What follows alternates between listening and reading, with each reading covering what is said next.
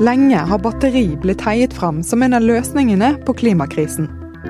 Men flere mener det enkleste grunnstoffet vi har, kan være en konkurrent. Er hydrogen som energibærer det vi egentlig burde satse på? Du hører på Det vi lever av, en podkast fra Sysla. Jeg heter Sigrid Haaland. Altså jeg tror at Det vi gjør i Tyssedal i dag i forhold til eh, hydrogen, er jo at vi er si, en frontrunner i det vi holder på med. Smelteverket Tisir i Tyssedal er et av de største utslippspunktene for CO2 på land i Norge i dag. De tester teknologi for å konvertere til hydrogen. Det forteller Nils Johan Ysternes, kommunikasjons- og HR-ansvarlig i smelteverket. Stålindustrien, hvis du ser i verdens målestokk, så slipper den ut en femtedel av all CO2-en i verden. Hvis Tyssedal og sin teknologi kan overføres til stålindustrien og få ned CO2-en, så er det et veldig viktig eh, bidrag vi gjør der. da. I dag bruker de kull, som gir et utslipp på 300 000 tonn CO2 årlig. Konvertere til hydrogen kan gjøre at vi kan redusere dette med 90% Så det er jo en stor oppside på dette, hvis vi får det til. Men samtidig så er det jo en risiko da, i forhold til at det er store kostnader med å legge om teknologien. Smelteverket har tidligere fått Enova-støtte for å konvertere til hydrogen. Men Ysternes sier de er avhengige av videre støtte. Så nå er det viktig at eh, politikerne vender blikket kanskje ikke bare mot populære ting som elbiler og sånne ting. Bruker 6 milliarder på de elbilene som går på veien i, i dag i året. Kanskje vi kan få mer effekt ut av de 6 milliardene, men også investere i andre områder som eh, vi si, du får et større volum på nedtak på, på CO2. TiZir er bare ett av mange prosjekter i Norge som har satset på hydrogen i det siste. Så hvor er det mest å hente på å bruke hydrogen? Og er dette noe vi burde satse på i større grad enn det vi gjør i dag? Med meg nå er Lars Henrik Pårup Mikkelsen, daglig leder i Norsk Klimastiftelse, og sjefredaktør i Bergens Tidende, Øyulf Hjertenes. Velkommen. Takk. Takk. Eh, Lars Henrik, kanskje du aller først begynner med å fortelle hva er det hydrogen egentlig er for noe? Altså Hydrogen det er en energibærer eh, og det er ikke en energikilde, sånn som eh, sol og vind, vind er. Men det er en energibærer som gjør at du kan anvende på en måte energien på ulike områder når du har uh, bruk for den. og det kan være i bil, båt, tog og osv. videre. og så er det på en måte to, to former hvor liksom hydrogen kommer i. Det er jo enten at det er flytende, eller i gassform. I bil, f.eks. hydrogenbil, så vil det være en komprimert altså gass, gassform. Hvis du ser for deg større skip, da, så er det kanskje i flytende form det, det, er aktuelt. Og Hvordan er det man framstiller det? Det er egentlig to uh, måter å framstille hydrogen på. Det ene er at du, uh, og det mest vanlige pga. at det har vært billigst, det har vært å ta utgangspunkt i naturgass uh, og skille ut hydrogen fra det. Men da sitter du òg med et, et, utslipp som gjør at du, du må bli kvitt det. Det andre er spalting av vann, elektrolyse. Eh, som er på en måte den fornybare måten å framstille hydrogen på. Og Øyulf, hvor utbredt er bruken av hydrogen som energibærer i dag? Jeg tror det er rett å si at det er en helt marginal del av energimiksen, både i Norge og eh, internasjonalt. Det har vært snakk om hydrogen i mange år, det er mange spennende prøveprosjekt eh, både i Norge og i mange andre land, men enn så lenge så er det noe som kan bli til noe. Og sånn som det er i dag, da, hvilke sektorer er det som det faktisk blir brukt i? I Norge så er det jo spesielt i uh, maritim sektor uh, og mer generelt i transportsektoren. Uh, skip, langtransport innenfor skip, forsøk innenfor busstransport. Og internasjonalt så har vi òg sett en god del forsøk inn mot um, personbiltransport, f.eks. Altså persontransport i vanlige biler. Hyundai f.eks. skal lage mange tusenvis av hydrogenbiler i årene som kommer. Så der er, er, eh, forsøk innenfor mange ulike retninger. Det som kanskje er de mest løfterike forsøkene til nå, har vært eh, områder som, hvor man skal frakte tunge ting langt. Ja, for det har skjedd eh, ganske mye eh, på den maritime fronten nå den siste tiden, det er vel rett å si? Ja, jeg syns det er nesten hver uke så leser jeg om et nytt eksempel på et eller annet spennende som skjer. Vi hadde jo kystruten her med Havila Havyard som skal som skal bygge eh, skip som skal gå på hydrogen. Norled eh, bygger en ferge som skal gå i Rogaland, som skal gå på hydrogen. Eh, Viking Cruises med Torstein Hagen skal bygge cruiseskip som skal gå på hydrogen. Eh, det blir lagd næringsklynge i Sogn og Fjordane av dette her. sånn at det er veldig mange initiativ på veldig mange områder akkurat nå. Altså Internasjonalt så er det jo et par andre områder hvor du ser hydrogen bli testet ut. da. Altså I Europa så er jo eh, en av de områdene hvor du bruker mest fossil energi, er jo på oppvarming av bygg. Eh, og Der ser du testet ut f.eks. Equinor og en del andre norske aktører i, eksempel i Leeds, hvor de tester ut kan du bruke hydrogen i på en måte gassinfrastrukturen der. Du ser I Tyskland så eh, Jeg tror det er Shell som bygger et uh, hydrogenproduksjonsanlegg, altså verdens største. Og, og til og med på kraftproduksjon, altså et av Equinors gasskraftverk i Nederland, så planlegger, eller ser på muligheten for å bytte ut en av gassturbinene med hydrogenproduksjon. Eh, så det er klart at her er på en måte potensialet ganske stort, men så føler jeg òg at det har vært ganske lenge. Jeg føler veldig lenge i Norge som har snakket om hydrogen som det neste store, snart kommer det. Og så tror jeg det har vært litt for masse hype på en del ting. Eh, at man kanskje ikke har vært liksom helt ærlig med hva er liksom utfordringen og problemene. Det har vært veldig sånn halleluja, og så har egentlig til nå da, en del av satsingen ikke slått til. F.eks. personbil. Det har jo vært en satsing i Norge på det. Sant? og Så har det vist seg at hydrogen har ikke vært konkurransedyktig. Og så kommer elbiler som er bedre og billigere og raskere og alt som er. Ja, og det, det, er et eksempel. Jeg tror eh, Det å tro at hydrogen på personbilmarkedet kommer til å slå an, det tror jeg aldri kommer til å skje. Eh, og da kan jo stille spørsmål, Er det da riktig eksempel at det offentlige skal bygge ut store ladenettverk for eh, personbiler på hydrogen? Eh, eller bør man bare erkjenne at det er på andre områder hydrogen kommer til å bli viktig? Men, men, når du sier at du ikke tenker at det kommer til å bli stort innenfor biler altså En hydrogenbil har vel sånn som jeg har forstått det, en fordel hvis du sammenligner med elbil. At du, du har ikke en rekkeviddeangsten, og det tar mm. kortere tid å fylle. Så, så, hvorfor kan ikke det bli like stort som elbil? Jo, men samtidig hvis du ser på um, jeg tar meg selv som eksempel. Da, sant? Første liksom, elbil jeg kjørte, var den der eh, Think. Mm. Altså, du knapt kom opp en, liksom, en bratt bakke, og så måtte du lade. Og så først en Leafen min, det var liksom 150 km, og nå den siste Leafen jeg har, det er 300 km. Og det er billigvarianten. Og så har du på en måte de som kjøper Tesla og andre, så ser du at rekkevidden blir langt større. Så det rekkevidde, det er på en måte, det har batteri egentlig teknologien løst. Og så tror jeg det er en fordel òg, det at alle som har en elbil, de vet hvor deilig det er å kunne lade hjemme i sin egen garasje eller fra husveggen sin. Eh, og det kan du ikke med hydrogen. Så da blir du enda mer avhengig av å kunne fylle på eh, fyllestasjoner rundt omkring. Eh, så jeg tror rett og slett at alle de I hvert det med rekkevidde og lademulighet hjemme, det tror jeg er i disfavør av hydrogenbiler. Og så er det bare til å se på hva de store bilkonsernene gjør. Det er jo på batteriteknologi de satser nå. Og så er det litt spredt satsing på hydrogen, men først og fremst på batteri. Men så er det jo løst for du kan si at det er løst innenfor personbil eh, fordi at rekkevidden er på en måte god, nok. Men hvis du skal frakte en container jorda rundt, da er, eh, da er det plutselig ikke langt nok likevel. Og batteriet som du må ha med deg for å komme fra Bergen til Hongkong, er jo like stort som skipet omtrent. Mm -hmm. Sånn at der, er det plutselig, der gir det mening på en helt annen måte, fordi hydrogen er lett.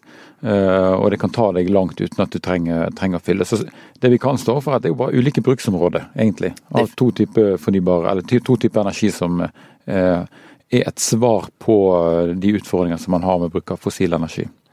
Og nå ser du jo altså, tung, tungtransport, altså lastebiler som nå kommer med hydrogen. Eh, litt sånn Tesla, hva heter det, Motorola eller Morola, jeg husker ikke helt hva det er, selskapet heter. Men som nå eh, selger på en måte lastebiler som har en lang rekkevidde på hydrogen. Hei der, unnskyld at jeg forstyrrer. Mitt navn er Kristian Kofon, og jeg jobber med annonsering i Sysla. Har du lyst til å snakke direkte med flere tusen næringslivsinteresserte i hele Norge? Ta kontakt med meg på e-post christian.kofod krøllafa skipsted.no. Det er Christian med K, og Kofod, K-O-F-O-D, krøllalfa, skipsted.no. Takk for tida di. Tilbake til Sigrid. Nå har jo vi vært innom eh, bruk av hydrogen både i den maritime bransjen og for biler og busser. Men eh, det kan brukes på andre måter òg? Ja, altså det kan jo brukes i eh, industrien, f.eks. Eh, raffineriindustrien spesielt, så ser du at eh, hydrogen kan brukes, eller blir brukt til å fjerne svovel fra diesel. Eh, I en del andre industriprosesser så kan eh, det erstatte kull eller gass som brukes som reduksjonsmiddel. Og Der har du eksempler på Vestlandet, i, i Tyssedal, hvor det er planer om nettopp det. Erstatte kull med hydrogen produsert av norsk vannkraft. Er det noen spesielle steder i Norge som på en måte skiller seg ut som gode på bruk av dette her? Det vi vet nå, er jo f.eks. at det kommer nå eh, fra 2021 i Rogaland så kommer det en verdens første eh, ferge som skal bedreve hydrogen. Eh, og det er Statens vegvesen da som har lyst ut en sånn teknologikontrakt. Så det, det kommer jo. Og det er klart at neste spørsmålet blir jo da Nå vet vi ikke helt om det er flytende hydrogen den skal gå på, eller om det er komprimert form. Men spørsmålet er jo da, sant, har vi da et apparat, altså liksom, kan vi levere hydrogenet som trengs? Eh, og kan vi bygge opp noen verdikjeder rundt dette. Og det, det jeg tror liksom, Og så ser du òg altså kystruten, eh, Havila. Og da er spørsmålet klarer vi å liksom tenke stort nok, at, klarer vi å tenke system? At vi får bygd liksom opp infrastruktur og verdikjeder langs hele kysten. For klart at Hvis hurtig, de her kystrutenfartøyene skal gå fram og tilbake, og en del av de vil ha brenselscelle om bord, så klart at da må du òg ha havnene må kunne tilby hydrogen. Ja, I hvor stor grad gjør de det i dag? Nei, i dag er det jo ikke det. Altså, Ta, ta for eksempel flytende hydrogen. Hvis denne ferja i eh, Rogaland skal gå på flytende hydrogen, som er dyrt, eh, så er det jo ingen steder i Norge der du kan eh, få kjøpt det. Det er tre steder i Europa som produserer det. Og klart at Da blir spørsmålet om klimagevinsten hvis du skal frakte opp den hydrogenet fra Nederland f.eks. For hver, hver gang du skal fylle båt, så, så er det ikke noe klimagevinst å hente. Så her, her tror jeg det er viktig at noen, noen, må jobbe med de konkrete prosjektene, og så må noen ha litt sånn systemperspektiv. At du tenker å koble alle disse prosjektene sammen. Det var morsomt. Et par år siden så var jeg på et sånt seminar oppe i Kalvåg i Bremanger og hørte på hva næringslivet jobber med langs kysten av Sogn og Fjordane. Og en av de jeg møtte der, var en kar som heter Trond Strømgren, som der var fortalt om hydrogen. og Det var litt, det var litt sånn sci-fi-preg på det hele, nesten. Uh, og I dag så er jo Sogn og Fjordane har jo fått en status som klynge innenfor det området her, og er en av drivkreftene bak det. Uh, det er jo et spennende initiativ, syns jeg. For det er jo klart at akkurat som uh, når det kommer til det øvrige grønne skiftet, så er jo dette her ikke bare spennende for de miljømessige gevinstene ved det, men det er òg en stor næringsmulighet for næringslivet på, i denne regionen her. Hvordan skal vi utvikle teknologien, bygge skipene osv. osv. Og Det kommer til å bli spennende å, følge med på. Det, den, den, drivkraften du har nå òg med at det offentlige er med på å uh, putte penger inn i utviklingsprosjekt osv., kan fort være med på å plassere Norge helt i front her. Og Norge i betydning da Vestlandet. Og jeg tenker På Vestlandet nå, altså egentlig samarbeid mellom Det nye Vestland fylke, et sånn fint samarbeidsprosjekt der, er jo hurtigbåtene. Så nå, sant? altså, Du har jo allerede Sogn og Fjordane snakket om eh, Måløy-Florø. Og du kan få Bergen-Måløy-Florø. Eh, på hurtigbåt eh, som går på hydrogen fra, fra begynnelsen av 2020-tallet, hvis politikerne vil, og stille krav om det i neste anbudsrunde. Det syns jeg er gøy. For sånne, sånne prosjekt som det er jo litt sånn, det er jo pilotprosjekt og sånne prosjekt som viser vei. Eh, ta f.eks. Ampere-ferja over Sognefjorden. Det var jo en litt sånn raritet når den kom, første elferja. Men det har jo blitt litt sånn referansepunkt da, for, for, det grønne skiftet til, til havs. Så jeg stemmer for. Ja, ja så Det som er interessant, er at det er om fire år siden den Ampere kom i drift. Og fire år etterpå så er altså over 60 eller 70 ferger, elferger, under produksjon. Mm. Og du ser også liksom, Når du først liksom får teste ut en teknologi, og det fungerer, så går det vanvittig fort. Og du setter på en måte ny sånn, hva skal jeg si, hygienestandarder innenfor en eh, sektor. Og Nå har vi tatt uh, ferjesektoren. Neste er på en måte hurtigbåtsegmentet. Og det er i Norge, sant? men det er klart hvis du, klarer det, hvis du fikser det norske ferjemarkedet, så kan du ekspandere internasjonalt. For det er ingen andre som gjør det på den måten. Mm. I hvert fall uh, ikke like godt der vi er nå, da. Men, men, hvis vi snakker om å på en måte ekspandere internasjonalt, er det Altså, hva er Norges muligheter for å bli en stor hydrogeneksportør? Nei, altså det, ene er jo spørsmålet å liksom frakte hydrogen produsert i, i, Norge til verden. Det, det kan jo være eh, en mulighet. Um, men jeg tror vel så viktig blir det på en måte å kunne frakte kunnskapen og teknologien. Altså hvis vi utvikler en hurtigbåtflåte på hydrogen, eh, og har på en måte produksjon og infrastrukturen klar for det, så tror jeg det er vel så interessant egentlig å eksportere som uh, hydrogen som, ja, som, som, drivstoff da, rundt omkring. For det er klart at det som du òg ser, det er jo at hydrogen Altså Veldig mange steder der de tenker hydrogen, så tenker de òg liksom lokalprodusert hydrogen. De tenker jo ikke at vi skal importere det fra, fra andre land, selv om du i dag har eksempel på Japan, sant, som importerer hydrogen fra Australia, hvor det er kullkraft involvert. Så tror jeg Jeg skal ikke si sikkert, da, men jeg tror, jeg tror at det å liksom eksportere litt på en måte know-how eller kunnskapen rundt hvordan du bruker den, er vel så viktig. Dere har vært litt inne på dette med utfordringer for eh, bruk av hydrogen. Men, men hva, det, hva, tenker du Lars Henrik, er liksom de største hindringene her for at det skal bli brukt i stor skala? Nei, altså det er jo pri, altså pris, kostnad og konkurranse mot andre teknologier. Eh, og da var vi inne på dette med elmotor i privat, altså personbilmarkedet. Det tenker jeg liksom er ut, utfordringen nå. Og så I klimaperspektiv så er det klart at uh, produksjonsmåte det har òg noe å si om uh, hvor attraktivt dette her er. Uh, hvis du skal bruke det for naturgass, så er du avhengig av CCS for at klimaregnestykket skal bli godt. Og vi vet jo alle hvor vanskelig det er å få fart på CCS-satsingen. Bare presisere, det er ikke alle som vet hva CCS er, så du får forklare det. Nei, altså Satsingen på karbonfangst og -lagring. Sant? Å lage karbonet som du sitter igjen med eh, når du har produsert eh, hydrogen. Så er planen til Equinor og andre det er å lage det i reservoar i Nordsjøen f.eks. Men dette har jo Man satser jo altfor lite på karbonfangstlagring. Eh, og hvis da du produserer hydrogen ved hjelp av fossil energi, og du står igjen med masse utslipp, så blir jo klimaregnestykket veldig dårlig. Så det òg er en eh, håper jeg, showstopper eh, for hydrogen. Kan bli det. I tillegg så er det eh, teknologiske utfordringer her til havs. Hvordan skal du klare å få hydrogenet til å ha en stabil, lav temperatur? Det er ikke bare enkelt heller, så det er noe som man òg må løse. sånn at det er ikke det, det, det, er ikke gjort i en håndvending. og det som har vært i, bak, Hvis du ser bakover i tid, da, innenfor personbil, så har det jo vært en eh, eksplosjonsfrykt, rett og slett, fordi at eh, hydrogen er eksplosivt. Eh, men det er jo et mindre, det er mindre snakk om det i dag. I dag er det jo mer de teknologiske siden av det som er en utfordring. Og så innenfor det maritime, da, så vet vi i hvert fall at altså, hydrogen er på en måte hva skal jeg si, volumøst, eller det krever masse volum da, eh, når du skal lage det. Og da husker jeg snakket for ikke så lenge siden med Valenius Wilhelmsen-rederiet, en av de største sånn rederiene som frakter på en måte biler på alle verdens hav. Eh, og de var skeptiske til Altså, de trodde ikke at hydrogen kom til å være en alternativ for de, fordi at eh, de mente at det ville ta så stor plass. Og da eh, blir det på en måte mindre jeg, plass til å frakte ting til gods, og at det blir, det blir for dyrt, rett og slett.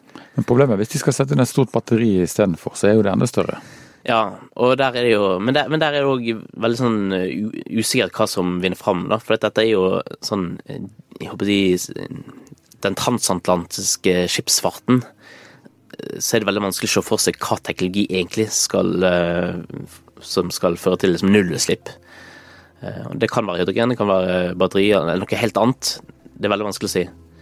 Eh, og det er jo kanskje en utfordring fra hydrogen. Da, at på et eller annet tidspunkt så må jo noen satse for at, dette, for at du skal få stor nok volum og kostnadene ned. Eh, og jeg tror det òg er liksom eh, Det er liksom det, det Norge må liksom sørge for nå, da. Det er å få noe volum.